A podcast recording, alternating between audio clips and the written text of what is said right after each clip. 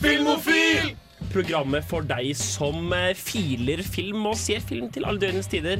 All right, all right, all right. Hey. Å nei! Det var en rar film, ass. Ah, det var en flott film. Nei, det var en, eh, det var en film. Jeg, jeg, jeg syns det er vakkert at han lar seg inspirere av Bad Boys 2. Og for meg så elsker jeg trashy Netflix-film. Nei! Du hører på Filmofil på Radio Revolt. Hasta la vista, Ja. baby. Nok en gang er det torsdag, og nok en gang har vi klart å stille et om en lite crew til, til rådighet for å lage filmradio for nettopp deg. Vi har aldri vært så mannsterke som vi er i dag. Vi har med oss alle i studio. Nemlig eh, meg, som heter August, og Meg som heter Gøran. Og vi kjører et uh, realt tomannsshow for dere her i dag. Det kan, hvis vi har flaks, så får vi besøk etter hvert, men vi kan ikke love noe som helst. Nei, det er på en måte det faren min sa til meg òg da jeg var liten. Ja, Men eh, vi skal i hvert fall prate litt om aktuelle filmnyheter og litt sånn ymse ting vi har sett på i det siste. Og hvis vi, eh, hvis vi kommer så langt, skal vi også diskutere hva som blir min nye streamingtjeneste. Så vi har litt av hvert på gang her i disse koronadager. Men eh, før vi skal diskutere noe av det, så skal vi høre en låt av lokal samling, nemlig Valen. Hva tror du om det, Gøran? Jeg gleder meg. Nice. Kjør låt. Der hørte dere altså Lokal samling med Valen. Og nå skal vi i Filmofil, eller oss to, Jaran. Ja, det er en veldig avstumpa filmofil her i dag. Er litt avstumpa Filmofil, men det blir god stemning likevel. Vi tenkte vi skulle diskutere, eller snakke litt om ting vi har sett i det siste. Og vi kjørte jo en aldri så liten filmkveld, vi, på søndag. Om vi gjorde, Det begynner å bli tradisjon, det egentlig. Nesten. Og denne gangen så returnerte vi til et format vi har diskutert tidligere, nemlig den berømte double featuren, hvor Ja. man ser to filmer smack, bang, rett etter hverandre, og så har man vondt i hodet etterpå. Eh, Men, men denne gangen så valgte vi å gå litt fra Eller vi beskrev jo modellen vår uh, under forrige sending, som er uh, egentlig se en seriøs film først, eller en film med høye kunstneriske kvaliteter, og så se en skikkelig dustete, trashy film etterpå. Siden du fortsatt er, har kapasitet til det, selv om du har sett noe bra. Eh, men, men denne gangen gikk vi litt bort fra det, og gikk for trash etterfulgt av mer trash. jo, men vi valgte, det var ikke renspikka trash, dette er trash med kunstneriske kvaliteter, vil jeg kalle det. Kvalitetstrash. Ja, på en måte den, den, beste, den beste søpla der ute. Det er sånn, Ja. Når du roter i søpla, så finner du skikkelig god sånn restaurantmat fra en Michelin-restaurant i en takeaway-bag. Og sånn, ah, det er ikke så verst. Ja. Uh, for vi så to vi så de to John Carpenter-filmene som handler om en dustete machoman med hockeysveis som Ja. roter seg borti noe. Vi så Mm. They Live og Big Trouble in Little China. Og det var Altså, jeg hadde jo tatt med min nye kjæreste på, eh, på filmkveld, og hun er ikke, ikke så veldig bevandret i filmverden. Jeg tror det ble litt intenst. Det kan godt hende. For jeg er jo vel bevandret særlig i John Carpenter-verden. Jeg er en, en Carpenter-fan. Ja. Eller en Carpenter, som jeg Nei, ikke. Men rett og slett snekker du, Gøran. rett og slett snekker. Mm. Uh, mens du var ny til begge disse filmene. Hva var på en måte førsteinntrykket? Jeg føler kanskje Før vi uh, går på det, så må vi si litt hva, hva de handler om. Fordi det har, det har mye å si for den generelle viben. Ja. Uh, They Live er en sånn Den er veldig sånn overallegorisk. En fyr tar på seg En macho fyr med hockeysveis tar på seg noen mystiske solbriller og eller, og ser plutselig at alle de rike menneskene i verden er sånn eh, alien overlords. Ja, ver eh, verden er styrt Det er en slags sånn pre-The Matrix-situasjon, Ja. hvor eh, vi har blitt invadert av romvesener som ser ut som oss på utsiden, men de har på en måte et slags sånn signal som forvirrer hjernen vår, Mm. som gjør at vi ser ikke det som er den ekte virkeligheten. Vi ser virkeligheten de har konstruert for oss. Ja. Og den ekte virkeligheten er i sort-hvitt. og og um, hva skal vi si Alle aviser og alle blader og alle reklameplakater sier bare 'obey', Eller sånn 'reproduce'. De holder en bunke med dollarsedler, og så tar han på seg solbrillene og står sånn 'This is your God'. så er sånn, det er veldig tydelig hva allegorien her er, da, Ja. metaforen, eller hva du vil kalle det. Ja. Uh, men til gjengjeld så er den på en måte også en, en ordentlig, sånn, en ganske solid actionfilm. Ja, men den er også sånn skikkelig dustete på en maksimal Eller den er dustete på en sånn erke-80-tallsmåte. Mhm. den, den føltes som, som 80-tallet på eh, som om 80-tallet hadde drukket eh, en, eh, en smoothie med konsentrert 80-tallet. eh, og blitt på en måte enda mer sånn Enda mer macho, eh, enda, enda hardere action. Altså, det, er, det er en sekvens der hvor, fyr, hvor han prøver å overbevise en annen fyr om å ta på seg disse solbrillene. For å kunne se The Alien Overlords. og det, det, det, Men han vil ikke ta på seg disse solbrillene, så de bare slåss i en bakgate. I, Drøyt sju minutter. Ja, de, de, det føles som de slåss så sykt lenge. De blir så slitne òg. Hver gang en, en person er på bakken, så kommer han tilbake igjen og begynner, begynner å slå videre. Han ene hjelper han andre opp, og så slår han han i ansiktet, og så er de på han igjen. Ja. Det- det- Den er, sånn- den er sånn hypermaskulin, samtidig som den på en måte har et veldig tydelig sånn antikapitalistisk budskap. Så den er litt sånn Men når du ser filmen øh, sånn som Du kan jo ikke tro at noen puttet denne, altså Carpenter puttet denne syv minutter lange slåssescenen over et par med solbriller i filmen sin på alvor. Filmen Nei. vet jo måte hvor eh, macho og, og litt sånn Den er nesten parodisk, Ja. men samtidig tar den seg selv ganske på alvor. Ja, den, liksom, den ligger liksom helt i grenseland mellom det å være en ren parodi og det å faktisk prøve å være en seriøs actionfilm også. Eh, og Jeg vet ikke om det var til filmens styrke, i hvert fall ikke for min del. Jeg tror kanskje jeg hadde likt den bedre hvis den var litt mer sånn Litt, litt mer at den omfavnet hvor teit den er, på en måte. At den enten gikk for å være teit eller gikk for å være litt mer selvhøytidelig. Den, den mangler en tonebalanse der, som vi så mye tidligere i den andre filmen, Big Trouble in Little China. Ja. Uh, men Men jeg tror kanskje vi eh, skal diskutere Big Trouble in Little China etter at vi har hørt Vegard og Ivar-band med Tiger Woods. For eh, det var rett og slett mye å si om John Carpenter i dag, så, så vi, vi drar utover to stikk, vi. Men ja, kos dere med Tiger Woods. Hei, dette er Nikolai Kleve Broch. Eh, Jeg vil bare si, hør på Filmofil, så får du med deg mye bra stoff om film. På søndag så hadde vi en real double feature, Jaran, der vi så to filmer back to back, begge av John Carpenter. sjangermester John Carpenter, manusforfatter, regissør og låtskriver. Mm.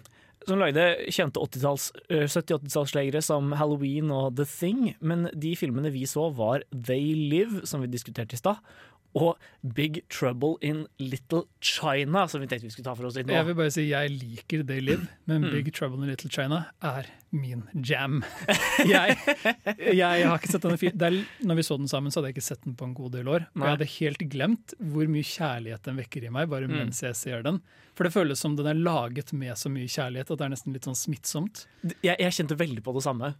Den, den er sånn Den vet akkurat hvor teit den er, men går, så, går, inn i det med så mye kjærlighet at det liksom Man blir bare glad av å se på den. Og her har vi pratet litt om den tonebalansen som kanskje ikke var helt perfekt i det Live, Mm. hvor filmen til en viss grad er parodisk, men også tar seg selv ganske på alvor. Og Big Trouble in Little China, den går den uh, linen så utrolig godt. Fordi Ja. denne filmen gjør egentlig narr av Slash er et kjærlighetsbrev til på en måte kung fu-filmene. Fordi Ja.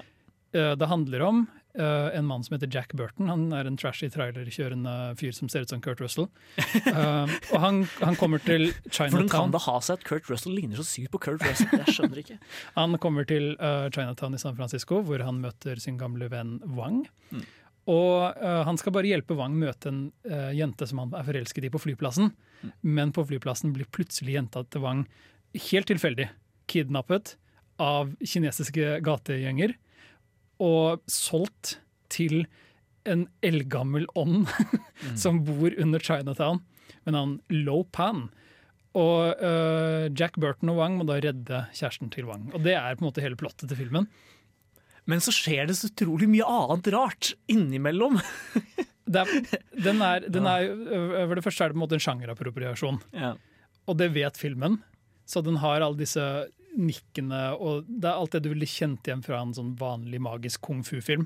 Mm. Uh, de utrolige folkene, altså sånn kung fu-krigere som slåss og kan hoppe sånn to meter opp i lufta, og plutselig har de sverd, og det er en gammel trollmann der, og alle disse tingene. Uh, og så i tillegg så har du det at fordi det er en Hollywood-film, så må du ha en hvit hovedrolle, Kurt Russell. Mm. Og det virker også som filmen vet det, for den er på en måte bevisst gått for å gjøre han så dustete som mulig.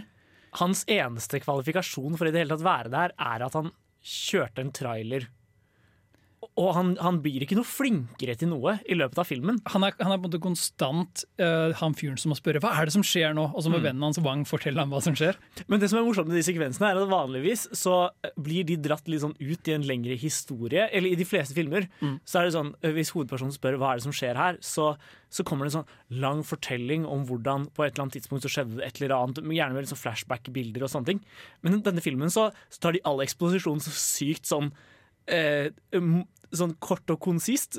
Det er eh, nesten alle karakterene som introduseres. Det er en flott bit der hvor de har sånn en liten pause etter at de har slåss mot noen kinesiske gategjenger. Mm. Og så er de inn, tilbake i leiligheten til Wang. Og så kommer liksom resten av karakterene som skal være med i filmen inn døra sånn én etter én. Mm. Og folk er sånn Hei, det er jo Gracie Law, advokaten. Ja, dere kjenner meg, jeg stikker alltid nesa mi der den ikke skal være. Og nå har jeg virkelig kommet borti noen saker. Og så, og så Da har vi fått henne introdusert, det er alltid trenger å vite om henne. Mm. Neste karakter kommer inn døra. Det er sånn skikkelig på, på spikerhodet hvor utrolig presist det skal være. Ja, og, og det, du merker på en måte at de har gjort Eller det, det er liksom deilig å se at de ikke har giddet engang å gjøre Eller å prøve å gjøre eksposisjonen engasjerende, for det er aldri engasjerende. Nei. Så hvorfor ikke bare få det unna, så kan du gå videre til den delen av plottet som er morsom, nemlig den hvor de skal slåss mot masse ninjaer eh, for å komme seg til den gamle onde, onde ånden og redde dama. Og så bor det rare body horror-monstre der nede, og, og, og det er masse sånne gøyale vitser. Og, og mye av det funker fordi du har egentlig Wang som hovedrollekarakteren. Så selv om det på en måte er en slags sånn hvit mann i, i Chinatown-situasjonen, så føler du alltid at det kommer fra øh, kinesiske karakterer som blir tatt på alvor. Ja, du kunne måtte fjerna Kurt Russell helt fint. Mm. Eh, han, han er med Wang gjennom hele filmen. De gjør alle tingene sammen Og, Og, Og han er ofte Og- den kilden til humor i filmen. Det er han som gjør de gøyale tingene som du kan le av. ja, vanligvis er det på en måte den asiatiske karakteren som ville blitt, blitt sånn uh, komisk sidekick. Sånn som når Indiana Jones har han det sånn seks år gamle kinesiske medhjelperen i uh, Indiana Jones 2. Eller hvem det er, han lille gutten. Ja. Hold on to your hats, Indy! Eh, Jeg kan kjøre bil selv med en liten gutt. Men, mens, mens her er det veldig motsatt. Da. Det er hele tiden Kurt Russell som er komisk sidekick. Så jeg, vet ikke, jeg likte Big Trouble in Little China kjempegodt. Jeg koste elsker den. masse. Den er som en sånn Princess Bride for kung fu-filmer, har jeg ofte kalt den. Og det, jeg står fortsatt for det, altså. Mm. Ja, den, jeg, jeg ser den sammenligningen. Den er rett og slett bare en skikkelig sjarmerende uh, film, øh, og varm anbefaling til alle. Som ikke tar seg selv på alvor i det hele tatt, men fortsatt er engasjerende. Se den før They Live hvis du noen gang skal ha et øh, øh, Nå holdt jeg på å si Cronenberg, men Carpenter. Carpenter-retrospektiv. Nå skal vi høre en låt, nemlig Kako Simon med Fower. Nå har det seg jo slik at det ikke kommer så mange filmer på kino i disse dager. Men det lanseres fortsatt nye filmer på ymse plattformer, og det har du benytta av, Jaran. Ja, jeg har vært litt bevisst på en actionfilm som øh, var på vei ut en stund, og det er en film som heter Extraction. Mm. Det er en Netflix-produsert film. Og jeg venter på en måte enda på at Netflix skal slå en skikkelig innertier på noe som føles som en sånn inhouse-film for dem. De har hatt noen sånn ah, De fikk uh, Roma, men det var liksom ikke et prosjekt de oppfostret så mye som de bare fikk det, føles det som. Skjønner du hva jeg mener? Ja, det, det var Eller The Irishman. Cuaron og Scorsese lette, lette begge etter finansiører for prosjektene sine, og så plutselig sa Netflix ja. Det føles ikke ut som Netflix liksom har jobbet med dette prosjektet. Men så her har du noe som føles som en skikkelig sånn A-liste Hollywood action-blockbuster. Chris Hemsworth er i hovedrollen, øh, og den er skrevet av Russo-brødrene, som gjorde Mm. Avengers-filmene. De to siste, i hvert fall. Og Captain America Civil War. Og, Ja, det har på en måte virkelig vært de som har trukket i trådene for Marvel-prosjektet, den siste fasen deres. da. Mm, Nja, det er en sånn modifikasjon. Ja, okay. altså Du har uh, Kevin Feige, uh, Ja. som står bak hele greia. Jeg føler de er mer sånn veldig dyktige håndverkere som klarer å samle, mm. samle de uh, generelle ideene som ligger i, i Marvel-universet, og lage noen fungerende manus av det. Ja, og det er jo det som er greia. da. De har, eh, de har skrevet manuset, mens eh, dette er en regidebut i tillegg, fra en fyr som heter Sam Hargrave. Og han har visstnok jobbet på veldig mange av Marvel-filmene med litt sånn ymse ting. Second unit director, den typen ting. Hvis jeg ikke husker helt feil. Så han har på en måte kanskje kommet opp under Russo-brødrene, og så har de liksom gitt han en film å jobbe med. Så jeg tenkte jeg skulle sjekke den ut, da. Uh, og dette er en skikkelig blandet uh, sånn uh, godtepose. Og en av hovedgrunnene til at den ikke gjør det så bra, er skriptet til Russo-brødrene. Mm. Sam Hargrave viser seg å være en overraskende god actionregissør. Midtstykket i filmen er en, er en longtake-sekvens som bare varer og varer. og varer. Det er en fake longtake, da, men det Mm. varer kjempelenge. Men det funker veldig bra, for det begynner som en biljakt, og så er det på en måte en hel jaktsekvens som føles som den varer nesten en dag. Måte, hvor Chris Hemsworth konstant er jaget, og kameraet kutter aldri, så du får veldig følelsen at du er da med han hele veien. Det funker veldig, veldig bra. Uh, for det filmen handler om, er så enkelt som uh, en narkotikabaron hater en annen narkotikabaron. Klassisk oppsett. Ja, og han ene narkotikabaronen er i fengsel, så han som ikke er i fengsel, bestemmer seg for å kidnappe sønnen til han som er i fengsel. Lurt. Nå er sønnen til han som er i fengsel, kidnappet, og det er bare én mann som kan redde han, nemlig leiesoldaten Chris Hemsworth, eh, som her heter Trevor Rake, eller noe sånt. En skikkelig bland navn, men veldig rart etternavn.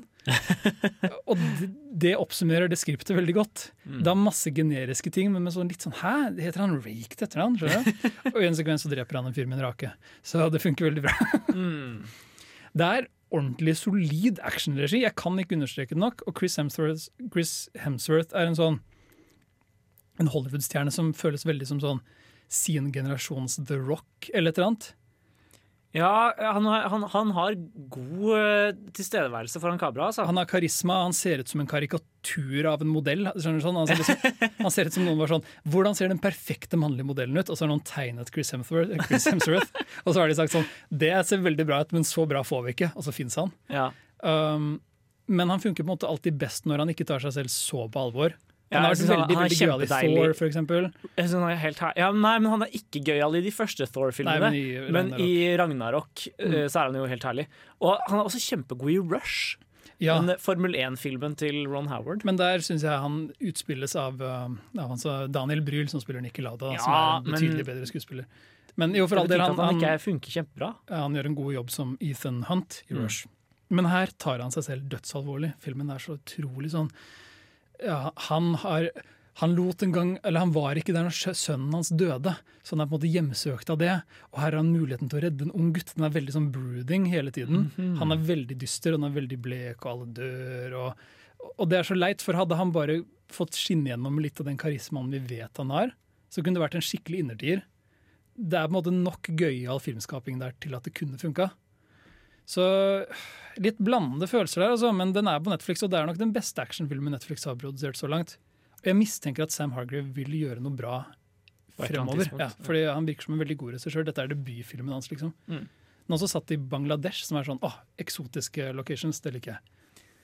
Ja, det er alltid deilig å se actionfilmer fra sånn helt nye land hvor man ikke har sett film fra tidligere, fordi det byr på så mange interessante muligheter. Det er sånn, jeg vet ikke, The Raid 2, da, i Indonesia. Ja, det er kjempegøy. Ja. Du vet, Det er en scene i The Raid 2 Mm. som jeg aldri har skjønt. Og det er når han ene fyren blir drept. Det er mange som dør i den filmen. Men det er han ene leiemorderen som ser ut som en uteligger. Han blir drept på en nattklubb, og så går han ut av nattklubben, og så snør det. Og det tror ikke jeg noe på at det gjør i Indonesia. På noe sted.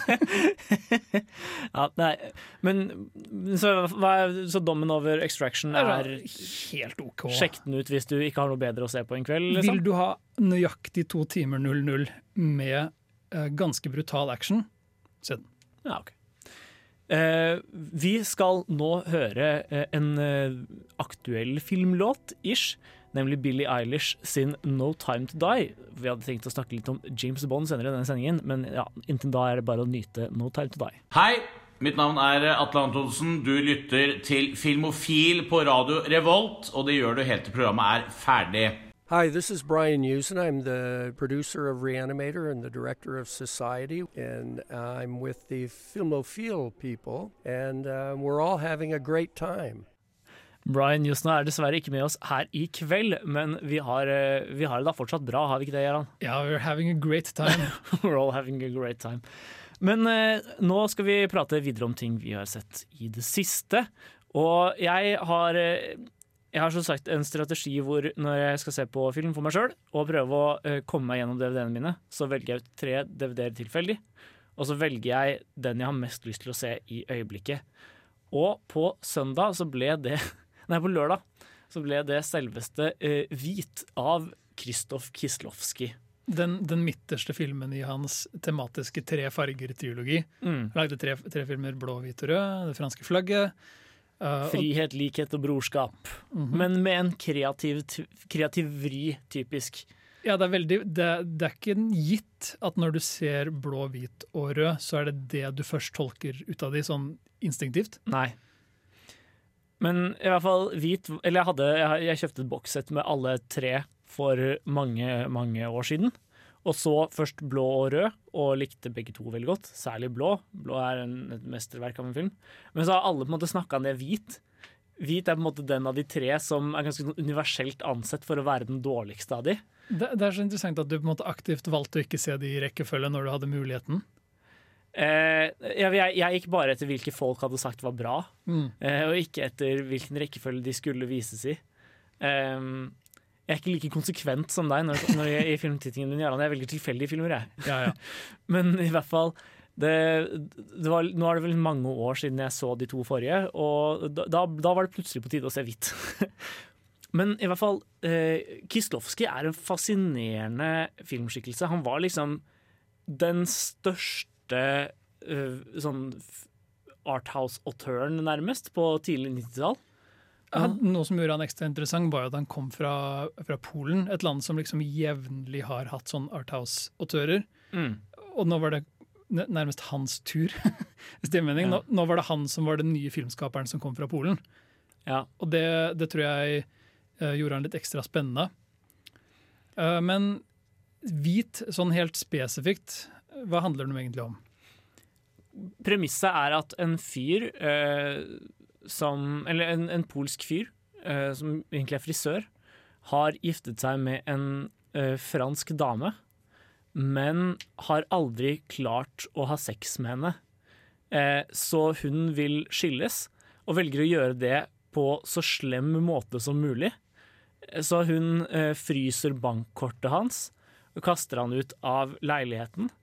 Eh, og, uh, får, eh, og gir han politiet på nakken uh, fordi han uh, overnatta i butikken hennes på et tidspunkt. Så han sitter der på helt på bar bakke i undergrunnen i Paris. Han føles, han føles måtte, veldig som den, den minste mannen, hvis det er meningen. Ja. Sånn, han er bare blitt overkjørt av kona si. Det er tydelig at han sliter med noe impotens eller en Ja. form for seksuell hang-up. Han, han blir så lite, filmen gjør han så lite mandig som mulig. Mm. Og han er frisør, som på en måte ikke er et eh, veldig maskulint yrke heller. Mm. Så han er, måte, han, er, han er på en måte veldig nede og eh, liksom ydmyket. Og ender opp med, men ender opp med å komme seg tilbake igjen til Polen i kofferten til en fyr han tilfeldigvis møter på metroen. Stemmer det. Um, og bestemmer seg i hvert fall for at liksom Nei, vet du hva? Jeg skal, eh, jeg skal, eh, jeg skal få min hevn på et vis. Han bestemmer seg i hvert fall for å starte business og bli kjemperik, sånn at han kan den stage, stage sin egen død. Uh, sånn at ekskona skal komme til Polen og innse at hun egentlig likte han. Du vet, du vet den, sånn på ish, ungdomsskolen, når noe Mm. teit skjedde, og du gikk hjem alene og var litt sånn nedfor og sånn Når jeg dør, kommer de til å angre på at de lo av meg. Det er hevnen hans. Ja, men, men så det er eh, og, og temaet for denne filmen er jo likhet, på en mm. måte. Eh, og det, var en, det er en spenstig måte å tenke likhet på, da. Det at man skal bli like i sin ydmykethet, på et vis. Du får fort en, et øye for et øye verden blind uh, Ja. tankegangen, på en måte. Det, men det er jo ikke bare, det jo ikke bare Men som en klok mann i Seven Psychopaths uh, sa, filmen jeg for øvrig så rett før hvit Det vil alltid være én fyr igjen med ett øye. Godt sagt, egentlig. Mm. Uh, men det er også noe med at det blir likhet i, i den uh, i muligheten vi har til å ha medfølelse med hverandre. Mm. Før filmen slutter, ikke for å spoile alt for hørt, men det slutter på en måte med en liten sånn Var egentlig hevnen så søt? Kanskje det ville vært bedre å prate sammen? Kanskje. Det er jo ofte det, sånn det funker, Jarand, når det kommer til stykket. Tror du, skjønner. Ja. Vi fortsetter rett og slett litt sånn James Bond-kjør her. vi. Kislovskij, James Bond. Kislovski, James Bond. Hvorfor ikke? Eh, vi skal i hvert fall høre kanskje den mest legendariske Bond-låta, nemlig Shirley Bassies 'Goldfinger' her på Radio Revolt. Tilbake er vi her i Filmofil, eller det vil si oss to, Jaran.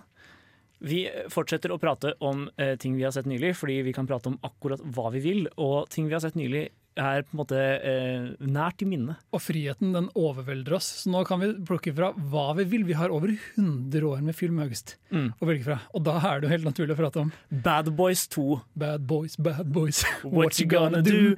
What you gonna do when they come for you? Jeg håper ikke vi får noen copyright claims nå. Jeg tror det er 30 sekunder nå som er grensa. Ja. I hvert fall. Eh, vi har jo lenge hatt en disk pågående diskusjon om, eh, om hvorvidt Michael Bay har noe som helst for seg eller ikke. Du, du velger på en måte å ta det, det ganske sånn Hva skal man kalle det? Du velger å ta et standpunkt som er ganske sånn oppildnet, og det er at du våger å kalle han en autør. Men han er så definitivt en autør. Han har et veldig tydelig særpreg på filmene sine. Du kan, du kan mislike det særpreget så mye du vil, men det er der. På, på, sitt, på, på sitt ekle vis. Ja, du kan, altså det kommer vel kanskje litt an på hva man legger i autør, da, fordi veldig fort så, så tenker man at en autør er noen som lager en form for kunst. men det, men det, er, det, er jo, det er jo for så vidt riktig å si at Michael Bay har en stemme, og dette er veldig tydelig i Bad Boys 2. Det, Bad Boys 2 er kanskje eh, Den og Pain and Gain er kanskje de, de tydeligste autørverkene til Michael Bay. Som også er, som er gøy. Nå har jeg ikke sett alt av Michael Bay, uh, så jeg kan jo ikke si dette helt ærlig, men Pain and Gain er en film jeg hater. Bad Boys 2 er en film som gjør meg dårlig. Og, og jeg elsker begge to. Uh, men ja, for å begynne med hva Bad Boys 2 handler om, da. For jeg så den nylig, og så var det litt sånn August, nå, nå, du er så veldig glad i Bad Boys 2, og jeg satt uh, filmen Vi begynner med hva, hvor lang filmen er. Filmen er to og en halv time. Akkurat passe. Nei. Jeg får så vondt i hodet. Jeg blir så dårlig. Jeg blir så sliten. Det er som å sitte i en varm bil og nettopp ha drukket en milkshake eller noe, og så skal du kjøre på svingete landevei. Jeg blir helt ør. Og uh, um, vi møter Will Smith og, og Martin Lawrence, som, øh, som er to sånn uh, TNT, Tactical Narcotics Team eller et eller annet sånt. Dustete. Noe i den duren. Um, de, de jobber med å ta doplangere i Miami i Florida. Og de har bestemt seg for at, at de må finne den største, um, han som produserer og selger langer mest ecstasy i hele Florida. Mm. Og, og så prøver de å gjøre det. Det er alt jeg kan fortelle om. Fordi etter setupet så mister filmen meg fullstendig. Den eneste grunnen til at jeg vet det handler om ecstasy, er fordi de jevnlig øh, nevner ecstasy, og har ting som handler om ecstasy skje i filmen. For eksempel Martin Lawrence tar to ecstasy-tabletter og blir høy på ecstasy. Uh, det skjer, for eksempel. Det jeg, eh, noe av det jeg syns er så herlig med uh, Bad Boys 2, er at den på en måte perfekt fanger litt eh, Michael Bay sin fascinasjon for uh, Eller den kombinerer så perfekt Michael Bay sin sånn uh, reklameestetikk, som er angrip alle sansene alltid, med, med hans på en måte veldig karakteristiske hat for menneskeheten. Du merker Alle karakterene hans er skikkelig skikkelig drittfolk. De eneste som kan slippe unna, er militæret, men de er ikke med i Bad Boys. Nei, og, og dette er jo det som er greia, for du har helt rett i at disse tingene er der. Kameraet er nesten aldri stille. I en helt vanlig samtale mellom folk som bare handler om sånn Kan ikke du gjøre den tingen, så gjør jeg Mm. den tingen. Så kameraet går til høyre, så klipper vi, kameraet beveger seg opp, vi klipper kameraet beveger seg til venstre, vi klipper kameraet beveger seg ned, kameraet zoomer ut, kameraet zoomer inn, og så er det klipp annethvert sekund. Sveip med telefotolinsa. Ja. Eh, Og, og det er til stede, men spørsmålet mitt er hvordan kan du se på det og ikke bli sliten? Hvordan kan du elske det? Jeg tror det jeg elsker med det, er at det er en så, det er en så rendyrka stil, og selv om det er litt sånn selv om det er litt sånn ekkelt, så er det så helhjerta ekkelt at jeg, at jeg blir fascinert av det. Hard. når var sist du satt gjennom hele Bad Boys 2? Eh, to år siden. Å, herregud, Og, og du, du på ingen tidspunkt tenkte 'nå må jeg skru dette Jeg koste meg så masse. Men de, jeg- jeg- det, var, det var sånn eh, en Sommeren for, for to år siden skulle jeg eh, sette på en film med det kollektivet jeg bodde i da. Så valgte jeg Bad Boys 2 fordi jeg syns den er så gøy. Og jeg satt og koste meg gjennom hele filmen. men Alle de jeg satt med, var sånn Hva, hva er det her for noe? uh, så jeg er helt med på at min kjærlighet for denne filmen er større enn gjennomsnittlig. Men det finnes et slags publikum der for Bad Boys 2. Ja, men de som oppriktig Ok, for du- har en sånn ah, Bad Boys 2 er så teit at jeg elsker den. Og jeg er jo veldig åpen for å like ting som er dårlig. Men da må det på en måte ligge en form for sånn oppriktighet bak det. Og det er noe med kynismen til Michael Bay som gjør at jeg ikke helt klarer å tenne på det. Jeg tror det er andre tingen Men han har et slags oppriktig hat mot menneskeheten. Jo, men, den, men han har, det er noe med at filmen den tilber Will Smith. Den kneler ved alteret som er hvor svav og kul Will Smith er. Den har konstant slow-mo-footage av bare at Will Smith gjør ting.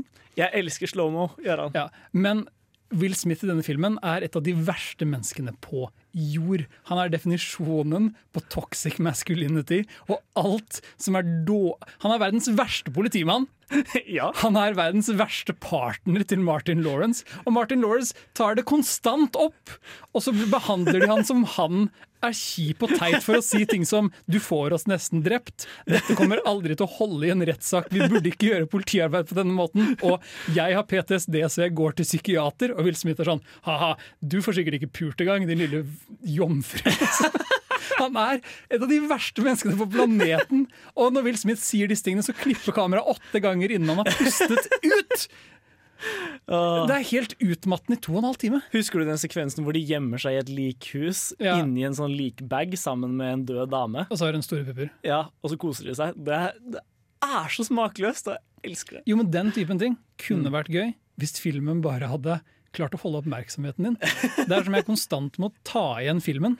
Jeg skjønner aldri hvor vi er geografisk. Jeg anbefaler for, for så vidt alle, å se videoessayet eh, 'What is Bayhem' av Every Frame of Painting. Det er en veldig god forklaring av liksom hva stilen til Michael Bay er, og, og hvorfor det er så dårlig. At det er en stil gjør det ikke til en sebar film. Men, ah, men er det, ikke, det, det er noen sekvenser i Bad Boys 2 som bare er sånn at de ikke tenkte over hvor ladet dette bildet er. Det beste eksempelet er i, i åpningen, når de har eh, eh, de Klux Klan Rally, og så er de undercover på det. Tenker du på Ja. Og så skal, og så skal de på en måte ha en sånn grand reveal hvor de, kast, eller hvor de to svarte politimennene står i hver sin Ku Klux Klan-kappe, kaster den av seg og stiller seg, som et kor, stiller, stiller seg foran det brennende korset med pistol pekende i hver sin retning. Det er så latet bilde. Det har så mange implikasjoner, og jeg tror ikke Michael Bay skjønner det engang. Og det er, det er helt okay. herlig. Bare veldig fort, fordi det bildet fins i den filmen. Og du rekker på en måte akkurat å ta det innover deg, for det skjer i, i sånn ti kutt, og så ferdig. Det er det samme som ett sekund. Uh, og det neste som skjer, er et forsøk på buddy cop banter. Den fram og tilbake greia. hvor det er sånn, ah, dude, du da, nei, å, ikke gjør det! Og så, og så har de liksom sånn good cop, bad cop-greie gående. Og det er så platt og kjedelig og jævlig, og, og bare du blir sliten av det, for alle prater oppå hverandre på en måte som er sånn, det er helt elendig mikset lyd. Så det, det at du tar det bildet innover deg på ett sekund, er sånn oi, hm, interessant. Og så det neste du tenker er å gud, å wow, nå orker jeg ikke mer. Innen de første fem minuttene av filmen. Det, det er på en måte ikke verdt at filmen har tre-fire sånne øyeblikk. Det er et par andre sånne interessante visuelle øyeblikk som nevner. Det er også en biljakt hvor de kaster disse likene på politimennene. Som er sånn Dette er flott at er i filmen. Dette liker jeg. Men jeg liker ikke måten film Roger Ebert sa det er ikke hva filmen handler om, det er hvordan den handler om det. Og, og hvordan Bad Boys 2 fins, som, som alt i filmen, er bare sånn lettere bilsykhetsfølelse i to og en halv time. Jeg, jeg, jeg får sånn eh, stor, stor øh, øh, glede i mitt barnslige hjerte i to timer, jeg. Så jeg anbefaler den veldig sterkt. Jeg vil be alle å holde seg langt unna. Vi skal i hvert fall høre en låt nå, nemlig Combos med Mad Beef, før vi får enda mer filmprat her i Filmofil. My name is Marou. I'm a Czech producer, screenwriter, director, and you are listening Film. Her fikk vi solid eh, metal fra Combos, nemlig Mad Beef, her på Radio Revolt. Nå Og vi hadde jo nettopp en Mad Beef om vi hadde nettopp en Bad Mad Boys Beef. Eh, Bad Boys 2, mesterverket til Michael Bay. Eller rasshølet til Michael Bay. Drittfilmen til Michael Bay. Uh, Men eh, i hvert fall, nå tenkte vi vi skulle gå videre og prate litt om noe eh, filmnyheter. For det er jo slik at uh, filmindustrien tusler og går selv om det er eh, koronakrise. Og det påvirker blant annet festival Eller ikke, eh, det eh, påvirker blant annet award season. Ja. Det er jo eh, en kjensgjerning at eh, når filmer ikke kan gå på kino, Mm. så, så påvirker det på en måte alle de småtingene som Det påvirker også festivaler, som du sier. Ja. Hvordan skal Cannes-festivalen gå av stabelen nå? Hvordan skal Ramaskrik gå av stabelen nå? Det er det store spørsmålet for oss her i Filmofil. Det, det blir, Blir det skrekkfilmfestival i høst, eller blir det ikke? Fordi vi kan jo ikke samle folk til å se alle disse filmene. Og Oscar-akademiet har jo jevnlig vært litt sånn øh, Altså, de deler ut prisen for årets beste film, i, mm. i en viss grad. Og øh, tanken er at du må ha gått på kino en viss tid for å kunne være gyldig. Du, må, du har blitt vist i Los Angeles i så og så mange uker eller noe, jeg husker ikke helt hva kriteriet er, uh, for å kunne være, måtte mot, motta en Oscar da, eller bli nominert. Ja, det er en rekke krav som at ja, du, Som sagt, du, du, skal, du skal ha blitt vist på kino så og så lenge. Men også en del ting som at du kan ikke, filmen kan ikke ha blitt vist på TV før Oscar-utdelingen. Det er en del sånne krav da, som stilles til filmene. Så det Akademiet nå har på en måte eh, sagt, er at for første gang noensinne så skal filmer som har premiere på streaming, uh, vær, altså de, de kan nå nomineres til Oscar. Det vil si at Extraction med Chris Hemsworth kan nomineres til samtlige Oscarer. Mm. Og det, uh, det er jo bra for Oscarene, at de fortsatt kan finnes og, og ha et utvalg av filmer å velge fra. Mm. Men det vil gjøre en ting med hvordan plattformer som Netflix distribuerer filmene sine. I hvert fall i år, men i år ville det ikke hatt noe å si uansett. Men det som er spørsmålet her, er hvorvidt, hvorvidt dette kan bli en permanent løsning eller ikke. Eh, Oscar-akademiet har til nå vist seg å være påfallende sta overfor dette med kinopremierer. Og det syns jo jeg er veldig fint. Fordi jeg er en stor entusiast Eller en stor eh, fan av å dra på kino. Og det betyr at Netflix på en måte tvinges til å ha begrensa kinopremierer på en del av filmene sine. Eh, og de har, de har valgt å gjøre det også i Norge, da. Så Cinemateket viser både Marriage Story og The Irishman og i fjor eh, Vi gikk jo og så. The Irishman på kino, f.eks. Ja. Og jeg tror en av grunnene til at den får kinopremiere, er fordi de vet at dette er en film som kan få Oscaren. Ja. Og da vil vi gi den en kinopremiere. Og hvis dette skulle opphøre, så er sjansen veldig liten for at Netflix gidder å jobbe så hardt med å putte filmer ut på kino Mm. i fremtida. Men samtidig så har i hvert fall jeg lenge mistenkt at kinoen er en døende ting. Det virker jo litt sånn. Eh, ting, ting heller jo litt i den retningen. Altså, det, det er jo Kinoen som fenomen er så utrolig tett knyttet til filmens historie. Mm. Det at man på en måte hadde Eller visningsteknologien var på en måte det som eh, la til rette for kinoene. Og så er det en slags sånn kulturell treghet som har gjort at vi ikke bare har avvikla de enda. Jo, men det har også vært en slags sånn uh, Kinoanleggene har konsist vært bedre enn hjemmekinoanleggene Ja. til den vanlige filmtitter. Med mindre du er Steven Spielberg, liksom. Men det er på en måte fortsatt veldig kulturelt betinget det at foreldre fortsatt fortsetter å ta med barna sine på kino, og man på en måte oppfostrer en ny generasjon til at dette uttrykket skal konsumeres på denne måten. Um, så jeg tror, jeg tror nok det er en jeg tror det er et fenomen som er veldig avhengig av at vi opprettholder kinokulturen. da. Mm. Men det ser det ut som man øh, veldig mange ikke gjør lenger. Mm. Og så får man også inntrykk av at kinoene har blitt mer og mer et sted hvor man viser kun de største filmene. Ja. Og, og det uh, sliter litt ut kinopublikummet, mistenker jeg. Kanskje. Samtidig så har det også vært veldig vekst de siste åra i alternative visningsformer. Altså bare tenk på Cinemateket i Trondheim har jo vokst veldig mye i løpet av den tida jeg har studert. Mm. Det gikk fra at de på en måte hadde en visning på, på Nova kino eh, en gang i uka, til at de plutselig har liksom en egen kinosal hvor de har visninger mer eller mindre hver dag. Da. Og så jeg tror på en måte det er et håp om og om at kinoen forblir som et sånn nisjetilbud, om ikke annet, i ganske lang tid fremover. Selv om på en måte, den jevne borger kanskje kommer til å primært konsumere film fra strømmetjenester i fremtiden. Mm. Men kun de jevne borgerne, ikke de litt for høye litt for lave. Nei, de må, de må dra på kino. De må dra på kino. Nå skal vi høre en ny låt, nemlig 'Neste planet' med Tatiana. Der fikk dere 'Playground Love' av Air. Fra soundtracket til The Virgin Suicides. Åh, den filmen er så god, den. Den er en av de Sofia Coppola-filmene som gjør at jeg fortsatt er litt sånn, ja. Sofia Coppola, dyktig filmskaper. Det var vel debuten hennes også, hvis jeg ikke husker helt feil. Det var det kanskje. Jeg kom i 99, så er det i hvert fall blant de tidlige Coppola-filmene, om ikke annet. Eh, Men Jaran, du har jo sett latterlig mye på film i det siste. Takk for at du tar det opp. Jeg er ikke stolt av det, men eh, det er sant. Er du, du er litt stolt av det? Det bare føles så naturlig at eh, det, det, det har skjedd en ting i livet mitt, August. Fordi det er jo en kjensgjerning at det er koronatilstander nå, så man sitter mye hjemme, man er mye hjemme, man går ikke så mye ut, det skjer ikke så mye sosialt. Vi har, vi har ikke laget radio på en måned. Uh, og i denne perioden, den kom jo rett etter at vi hadde vært på Kosmorama, filmfestivalen som går her i Trondheim hvert år. Trondheim internasjonale filmfestival. Og da ble det fort tre-fire filmer dagen, som er en ting som egentlig er veldig utmattende. Særlig når du er på kino, så du går på kinoen, sitter du i kinomørket, og så må du løpe og kjøpe deg noe å spise, og så kommer du tilbake for en ny film, og så er det én time til neste film, så da kan du gjøre en time. Mens når du er hjemme, så er det liksom bare å se en film på morgenen, se en film til middag, se en film på kvelden. Plutselig så har du sett tre filmer nesten hver dag. Og, og det er akkurat som, som før, så følte jeg at jeg ikke kunne det.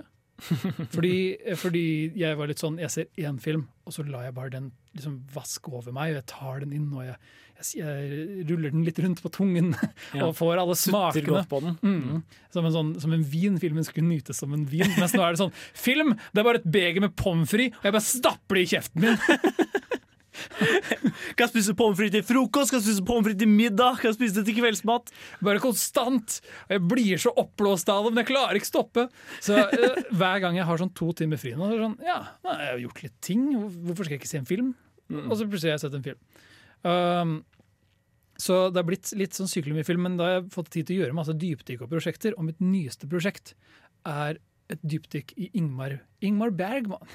Den svenske regissør Eller hvordan enn man prater svensk. Um, svenske regissøren Ingmar Bergman, som på en måte står som et sånn kunstfilmfenomen. Uh, han er en institusjon for filmakademikere. Ja, han er på en måte uh, Han er den filmskaperen i veldig mange kretser. Ja. Eh, Så, så jeg har innsett at jeg har sett skamlig lite Bergman, og nå er det plutselig sånn to Bergman-filmer dagen, pluss Bad Boys 2 eller Extraction eller et eller annet for, sånn, for å rense tungen uh, innimellom der. Uh, så det, akkurat det prosjektet er litt sånn Det vet jeg ikke når jeg skulle gjort ellers. Men hvilke filmer er det du har sett, da? Jeg har sett veldig mye tidlig. Jeg har Mm. begynt med Jeg så først um, 'Sommernattens leende', 'Smiles of a Summer Night', som er på en måte en slags sånn Det var den første filmen han slo gjennom i Cannes. da. Mm. Jeg har, sett i, jeg har fått en slags sånn uh, En guide for hvordan se Bergman fra Criterion Collection, som måtte ha programmert alle Bergman-filmene i et stort bokssett som en slags sånn Se denne, så se denne, så kan du lese denne lille artikkelen om hvorfor den er der. Er det en europeisk release, eller, er det, eller har du sodeløst DVD? Den er soneløs. Ja, okay. Soneløs Blu-ray. Det er et stort sett av 40 pluss-filmer i den. Mm. Uh, og jeg har bare sett sånn fem. Men uh, ja, Så jeg har begynt med den, uh, og det er på en måte en, en, en slags sånn romantisk komedie. Men den er veldig bitter. Uh, det er bare sånn Det, det er en forviklingskomedie, men ingen Alle vinner, men det er alltid til en pris. Og alle er konstant, blir konstant ydmyket av hverandre. Uh, så det føles som en veldig bitter sånn kjærlighetskomedie. Det er mer på en måte Dangerous Liaisons, bare litt mer romantisk, hvis det er mening. Og etter det så ser jeg veldig mye av det tidligere greiene hans. 'Kris', den aller første filmen hans, for eksempel. eh, Fulgt av den tredje filmen hans, 'Et skip til Indien'. Indienland. Uh, Tale svenske. Det hørtes mildt rasistisk ut, men eh, det, Nei, det det, sikkert det, er, ikke det. det er ingenting med det å gjøre. Nei, okay. Det handler om en, en gutt som, eller en ung mann som bor på en båt sammen med moren og faren sin, fordi Mm. de er på en måte sånn et båtcrew som uh, reder gamle skipsvrak.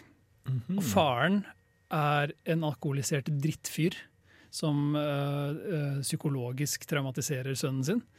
Og, og holder han liksom under en lav sko. Og, og moren eh, lider med han, men elsker faren. Og så kommer det en ung jente inn der som faren har som elskerinne, og sier hun skal bo på båten med oss. Og han planlegger å ta pensjonen sin og rømme og leve livets glade dager med henne. Men så forelsker hun seg i den unge sønnen, og så blir det masse familiedrama. Mm. Veldig sånn, sånn øh, kaldt og blekt familiedrama. Men dette er de tidlige filmene hans. De er overraskende gode cinematiske. Det er en scene der hvor faren kutter luftpumpa til sønnen da han dykker. og Bergman velger å vise skyggen istedenfor uh, faren idet han gjør det. Det er sånn veldig sånn kule øyeblikk som er sånn ah, han, var, han var noen og 20, og han lagde denne filmen. Han jobba vel med Sven Nykvist helt fra starten av også? Nei. Sven Nei, okay. Nyquist kom senere. Jeg husker ikke hva han het, han som gjorde de første. Okay. Men jeg så nettopp det jeg tror er min favoritt av tidlige Bergman-filmer nå nylig, 'Summer Interlude'. Uh, og Det var heller ikke Nyquist, men den hadde helt fantastisk sånn sort-hvitt cinematografi. Det er bare en, sånn, en sommerforelskelse i den svenske skjærgården. Og skjærgård det kan se fint ut på film, altså. Det, um, åh, det er sånn nostalgisk forhold til det. Ja. Det, men så, så du anbefaler å ta et dypdykk i tidlig Bergman, du også? Jeg vet ikke. Det, det har vært et interessant prosjekt. Jeg tror vi Ja. kommer tilbake til det i løpet av de neste måneden, kanskje. Ja. Hvis jeg gjør det, skal jeg rapportere inn, men da vet man litt hva som skjer. Nå skal vi høre enda mer James Bond-musikk, i hvert fall, nemlig Paul McCartneys uh, 'Live and Let Die'. Hi, it's Tony DeCino here, writer and director of The Furies, and you are listening to Film O Phil.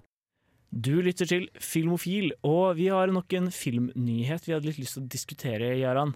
For det har- det kommet soundtrack-nytt i det siste. Ja, En av de beste soundtrackene noensinne skrevet i august. Mm. Det er uten tvil Daft Punks soundtrack til Tron Legacy. Og det har litt å gjøre med at eh, Daft Punk er en innmari god musikerduo. Ja. Uh, mer enn det har noe å si med at Tron Legacy er en veldig god film. Jeg skulle ønske Tron Legacy var en god film. Fordi var- Med det- det soundtracket og, og den visualiteten Den, den har kul visuell stil. Den er en sånn vaporwave-estetikk. Ja, som på en måte Som kunne funka. Og soundtracket er jo, er jo upåklagelig. Mm.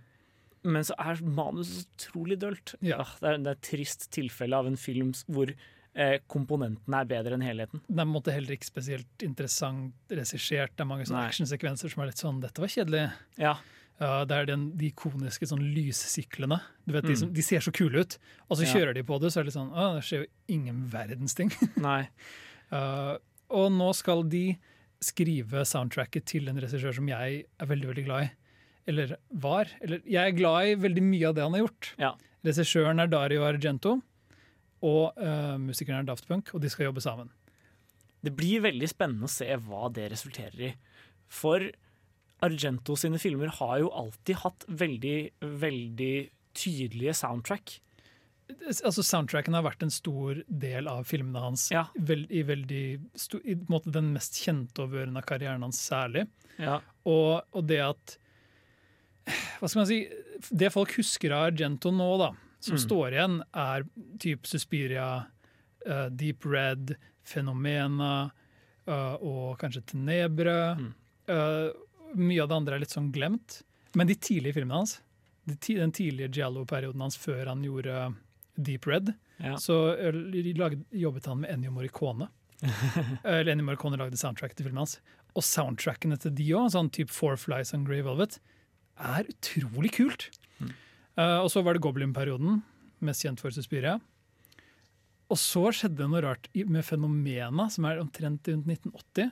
Mm. Den med Jennifer Connelly som kan prate med fluene. Uh, det er det som skjer i den filmen. Det er også en Mm. ape på hevntokt i den filmen. Det er en rar, rar film. Det høres ut som den nyeste filmen til uh, David Lynch. Det er What Did Jack Do, den kortfilmen på Netflix. En Sjekk ut. What Did Jack Do på Netflix. Det er, et, det er, et, det er, det er, eh, 17 minutter du kommer til å se tilbake på med glede. Antagelig den beste presentasjonen av en ape på film noensinne. Ja. Uh, den fortjener en Oscar, den apekatten. Men jo, eh, fordi der så begynte de å være sånn Ja, filmen din er jo kjent for musikken, Argento. Velkommen til MTV-æraen. La oss få med Iron Maiden, Motorpsycho og eh, fuck, Det er så mange rare artister på det soundtracket. Og filmen er helt åpenbart laget separat fra soundtrackene. Så det er sånn, det er en sekvens der som bare, hvor det egentlig ikke skjer noen ting, og så blaster de Iron Maiden over den. Og det funker ikke i det hele tatt. Men ja. Um, så det at soundtrackene til Argento pluss stilen hans på en måte alltid har vært det man kjenner ham for, det er det ingen tvil om. Men så er det også snakk om det som har vært Argento-filmer de siste 20 årene. Ja. Nesten 30. Fra og med 90-tallet så han, gikk han på en måte fra å være noe kritiker og hadde litt sånn Ja, filmene hans er ikke alltid perfekte, men de er alltid interessante, til å bli gradvis mer og mer universelt hatet. Ja. Og, og den siste som kom i 2012, 'Dracula 3D', er- som er den siste Argento-filmen jeg også har sett, er en film som på alle måter fortjener å bli hatet. Det Den- kan jeg veldig tro på. Eh, Argento bestemmer seg for å jobbe med datteren sin, nesten konstant, Asia Argento. Og han bestemmer seg også for å filme eh, så naken som mulig veldig mye av tiden. Som er veldig sånn "Hæ? Æsj! Så det føles veldig rart. Og så har han innsett at CGI er en spesialeffekt, men ingen vil bruke penger på det, så det er bare dårlig CGI. Mm. Og alt er så utrolig Det er bare blitt en veldig sånn Og det er noe man ser med andre filmskapere òg, typ Francis Ford Coppola. Han lager fortsatt filmer, Ja. men det å ta disse gamle filmskaperne inn i den, den, den digitale tidsalder, hvor de har på en måte skjønt at de kan kutte ned det tekniske budsjettet på filmene sine, resulterer i at filmene bare ikke ser like bra ut lenger. Og da begynner alle de sprekkene som alltid var der, å bli så mye tydeligere. Ja, det, er- noe med på en måte sjarmen i å ha lagd et eller annet sjøl. Mekka noe greier som kan, som kan være med på så, og i så utrolig, utrolig stor grad dekke over det at greiene egentlig er litt skitt. Jeg tenker på det når jeg ser kontemporær horror også. Altså, vi har snakka mye om The Furies, som vi så på uh, skrekkfilmfestival i høst. i det siste, Som er et sånn mesterverk av en film. Bare bruker praktiske effekter for det det er verdt. Og da slipper filmen unna med så mye annet, da. Ja, herregud, hadde det vært CGI-gørr i The Furies. Så hadde filmen vært Så hadde den ikke slått an Eller så hadde vi ikke likt den i det hele tatt, rett og slett. Men det jeg er veldig veldig sikker på som vil komme ut av dette samarbeidet i august, Mm. det er et bra soundtrack.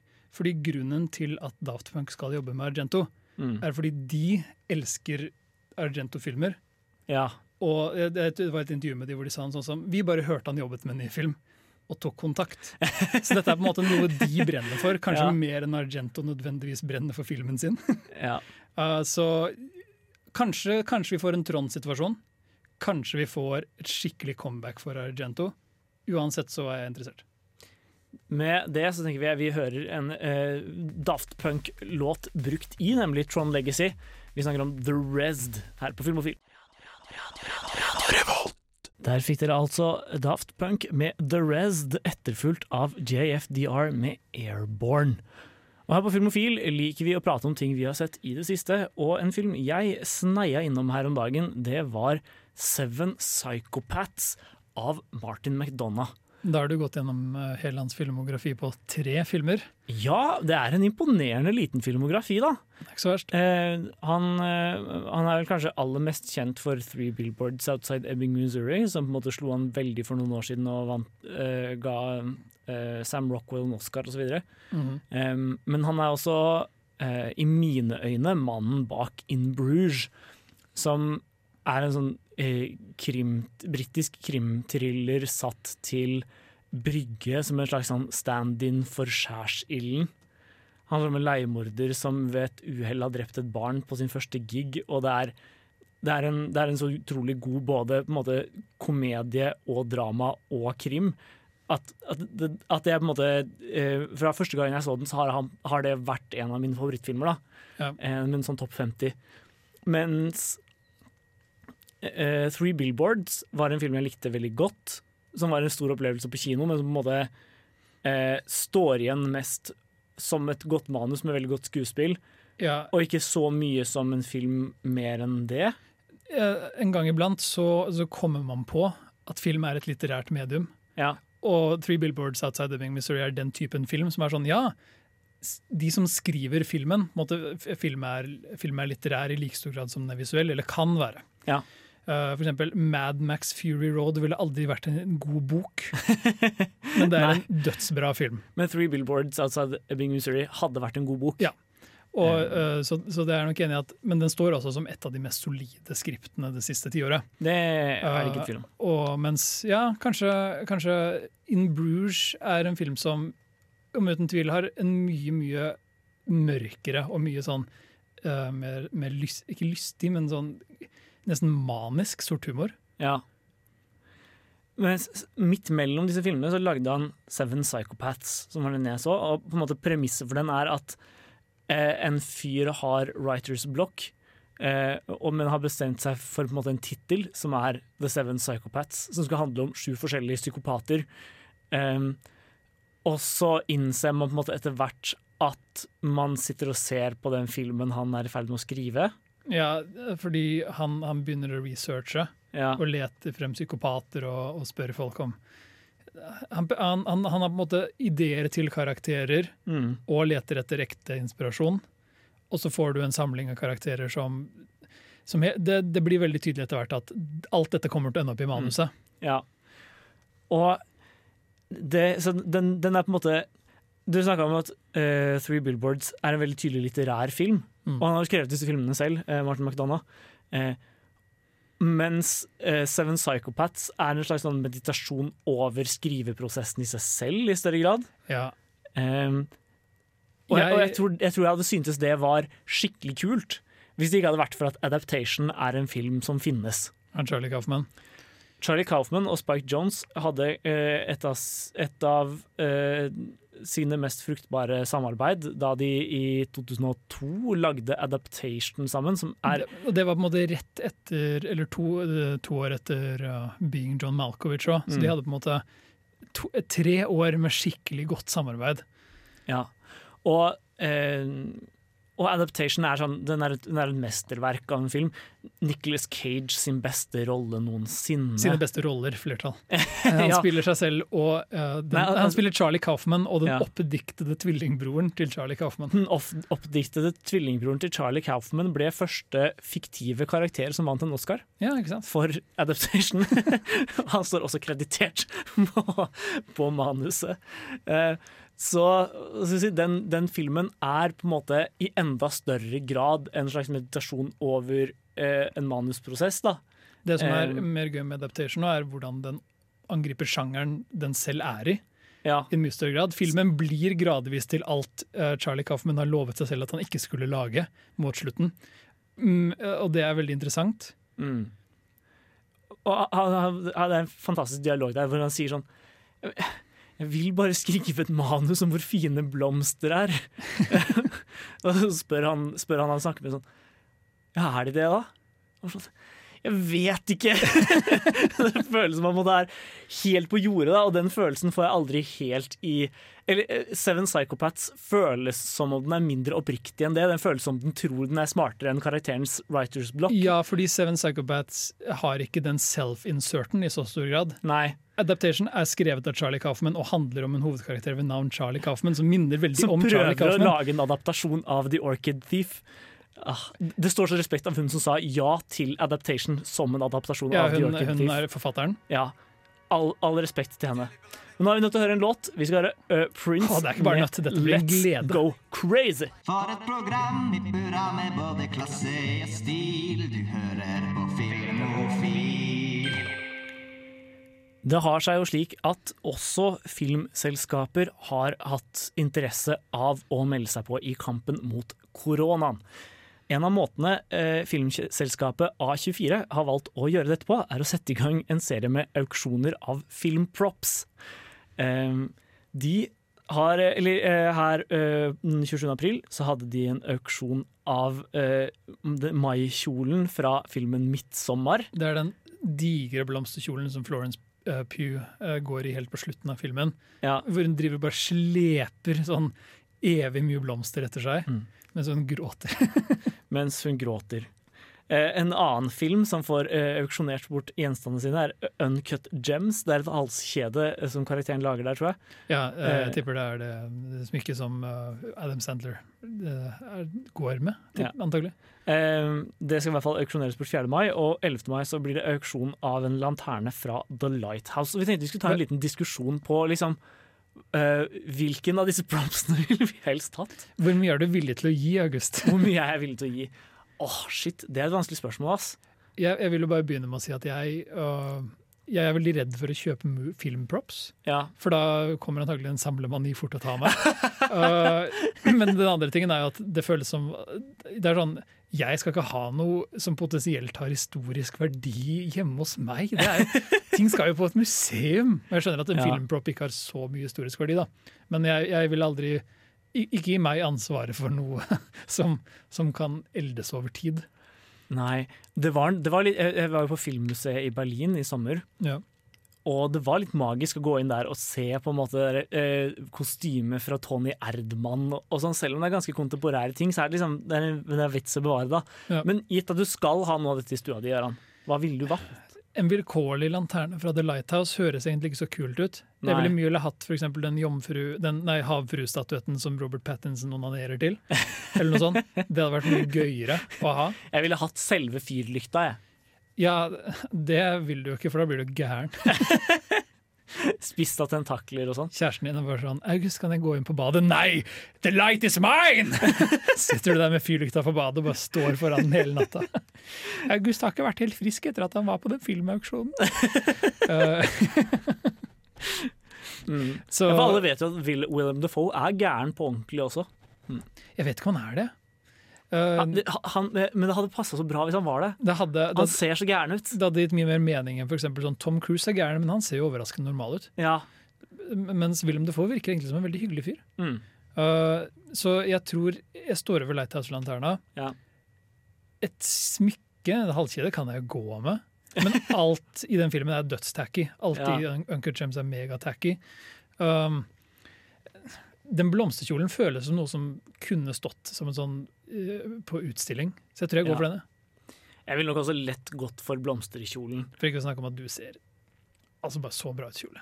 Ja, eh, jo flere blomster, jo bedre, ikke sant? Mhm. Men, eh, men det, er, det er noe med det filmøyeblikket som er så magisk også. Men må den vannes, tror du det? Jo, jeg tror at Hvis du ser nøye nok på de blomstene, så ser de fake ut selv i filmen. Jo, men folk har laget ø, klær av planter og gress. Mm. Det er en, en designer som driver med det. Han lager dress av gress. Uh, i, Gressdress? Ja, gressdress, rett. Mm.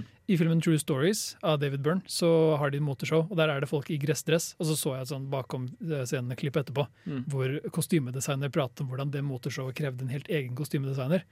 Og den kostymedesigneren var sånn Jeg vet om en raring som lager dress av gress. Og så ringte de han og var sånn Kan dressen min være med på film? OK, jeg begynner å gro en dress nå!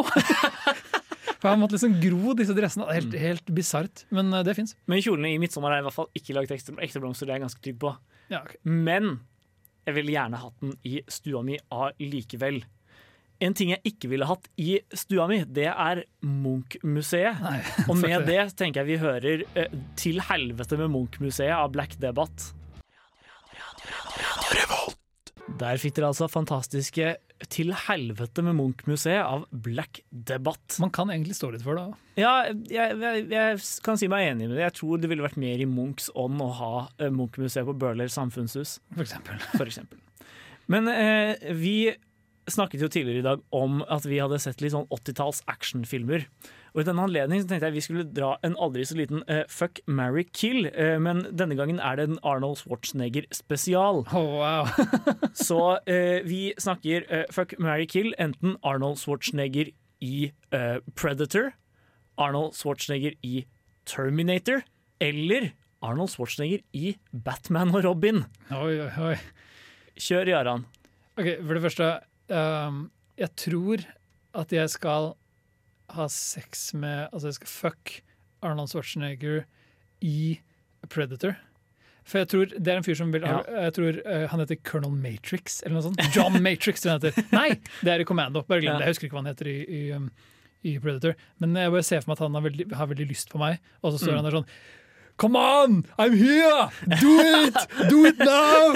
Jeg bare, oh yeah, Arnold, du er game. Så, så det tror jeg kan bli Og så kan dere ha sånn episk handshake. Mm, Jeg tror det kan bli veldig lidenskapelig. Ja. Det er også topp, det er sånn peak, som sier bøffeste Arnold, så det er veldig mye muskler der.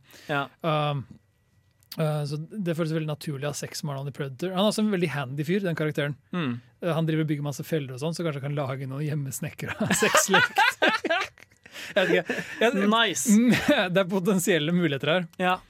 Uh, Det føles veldig naturlig å ta livet av Mr. Freeze fra Batman og Robin. For det hadde, jeg ikke orket, den type humor konstant. Or kill the dinosaurs! The Ice Age! Jeg tror jeg, tror jeg kunne liksom tålt én dag med Mr. Freeze. Etter det så ville det vært sånn Nå har du sagt 'chill out' ti ganger i dag. Jeg klarer ikke mer. Og da må jeg gifte meg med Arnold Schwarzenegger i uh, Terminator. Men det å ha en robot som ektefelle, det um, Hvorfor ikke? Altså, Det viser seg jo i Terminator 2 at han er en god far. Det også, så, så kanskje. jeg, altså, jeg ser jo, jeg ser jo liksom fordelen med å gifte seg med Mr. Freeze, da, for han er jammen meg en trofast type. Dama hans ligger nedfrosset i sånn eh, et sylinder, og han, prøver, han, han jobber så hardt han, for å få nok diamanter til å gjenopplive kona si. Villig til å gjøre hva som helst, faktisk. Ja, altså, jeg tror han, jeg tror han har eh, ektemannpotensial. da. Men vil du ha en ektemann som kan drepe for deg?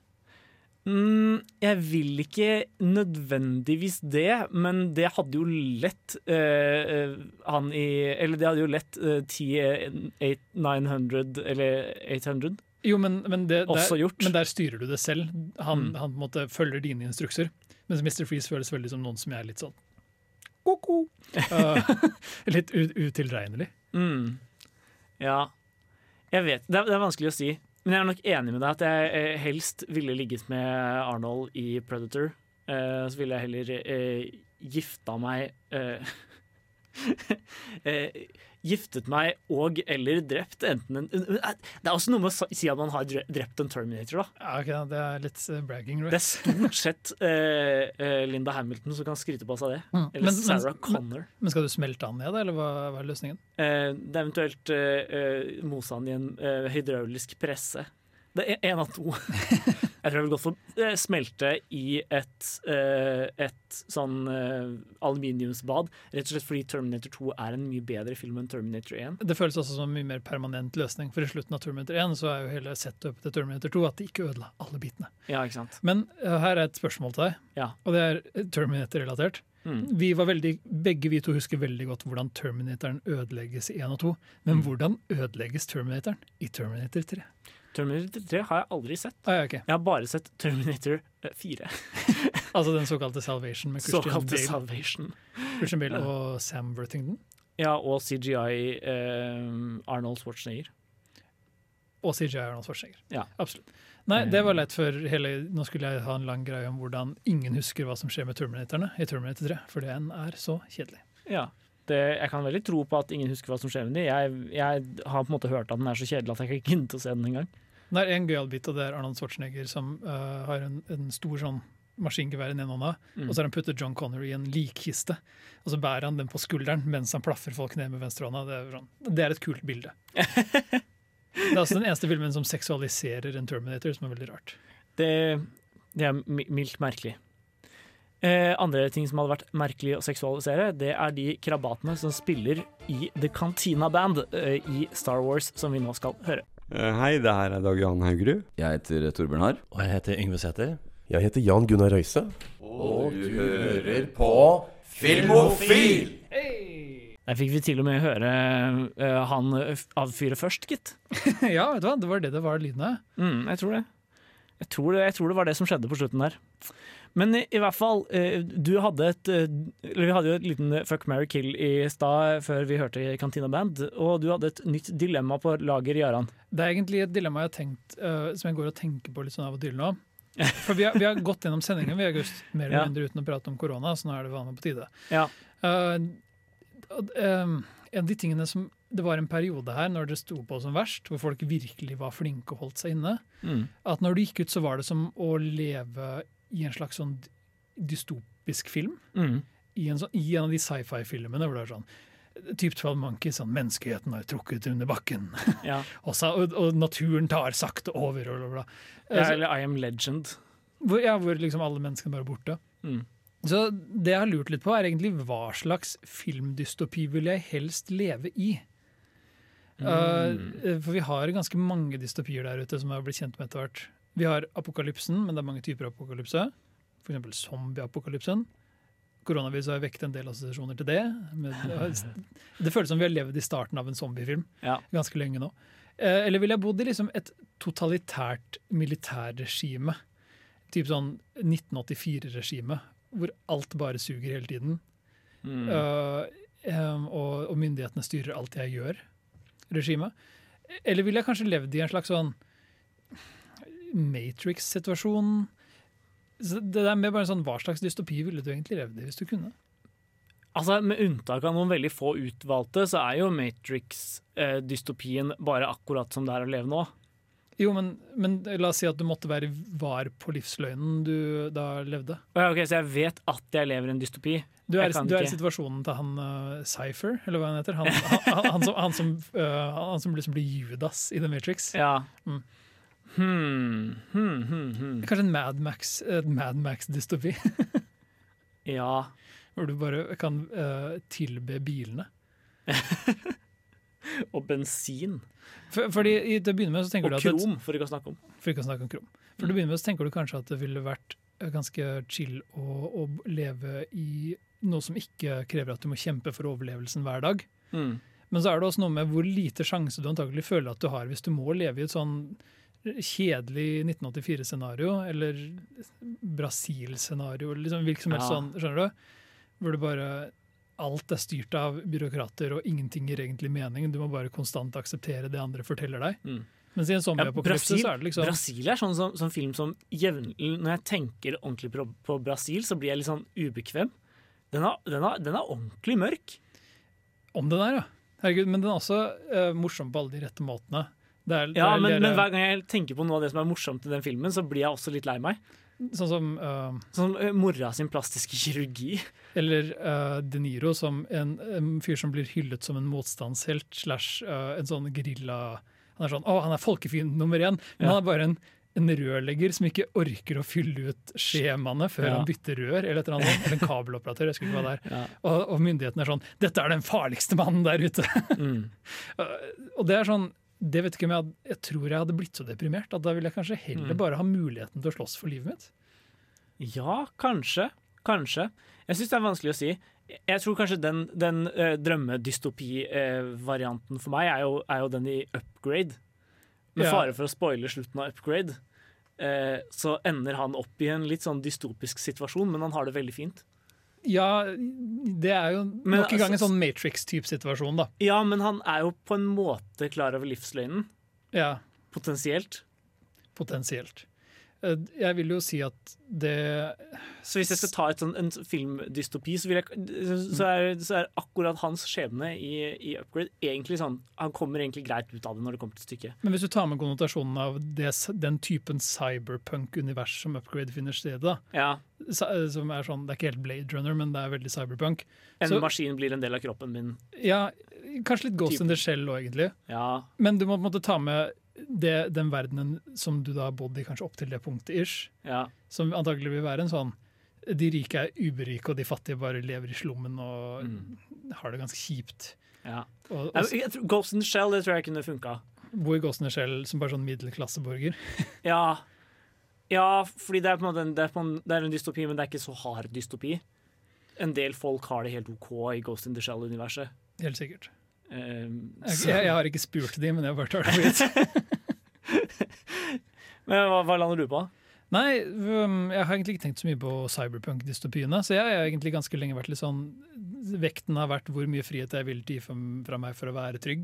Ja. Og så har jeg på en måte falt på at kanskje jeg bare ville Jeg ville antagelig dødd i et Mad Max-dystopi, men kanskje jeg ville uh, dødd med adrenalinpumpa gående. Eventuelt eh, sånn The Survivalist, hvis du har sett den. Nei, det var en fyr som bor aleine i skauen og gror grønnsaker. Ja, det høres utrolig mye ut som hardt arbeid. Det, det er hardt arbeid, men uh, det, hvis du liker å være ute i skauen, så er det jo fint, da. Kanskje.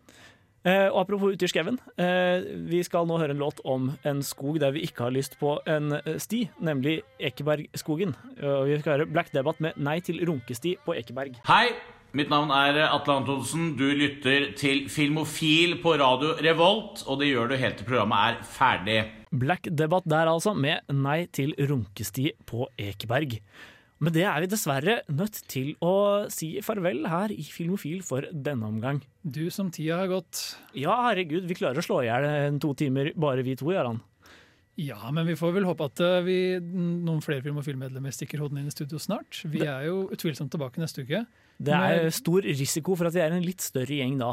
like løs prat, tenker jeg. Sannsynligvis. Med mindre vi finner ut at vi skal fortsette listesaken vår eh, om forrige tiårs beste filmer. Det Ja, vi får håpe at det blir noe mer på den, egentlig. Det, Jeg har en slags drøm om at den skal bli ferdig innen semesteret er omme. jeg mistenker at den er ferdig før høsten. jeg. Ja, la oss håpe det.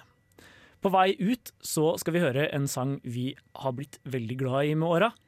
Vi har jo Det er vår faste avslutningssang hver gang vi får lov til å velge avslutningssang helt selv. Det fins ikke en bedre låt å slutte enn god prat om film med. Av en eller annen grunn ikke. Og altså, for all del, alle må sjekke ut musikkvideoen til denne låta. Eh, Doja Cat. med Det er filmkunst, det. Ja, hun danser rundt i kukostymet sitt i fem minutter. Sjekk det ut. Her er det i hvert fall Doja Cat med Moo.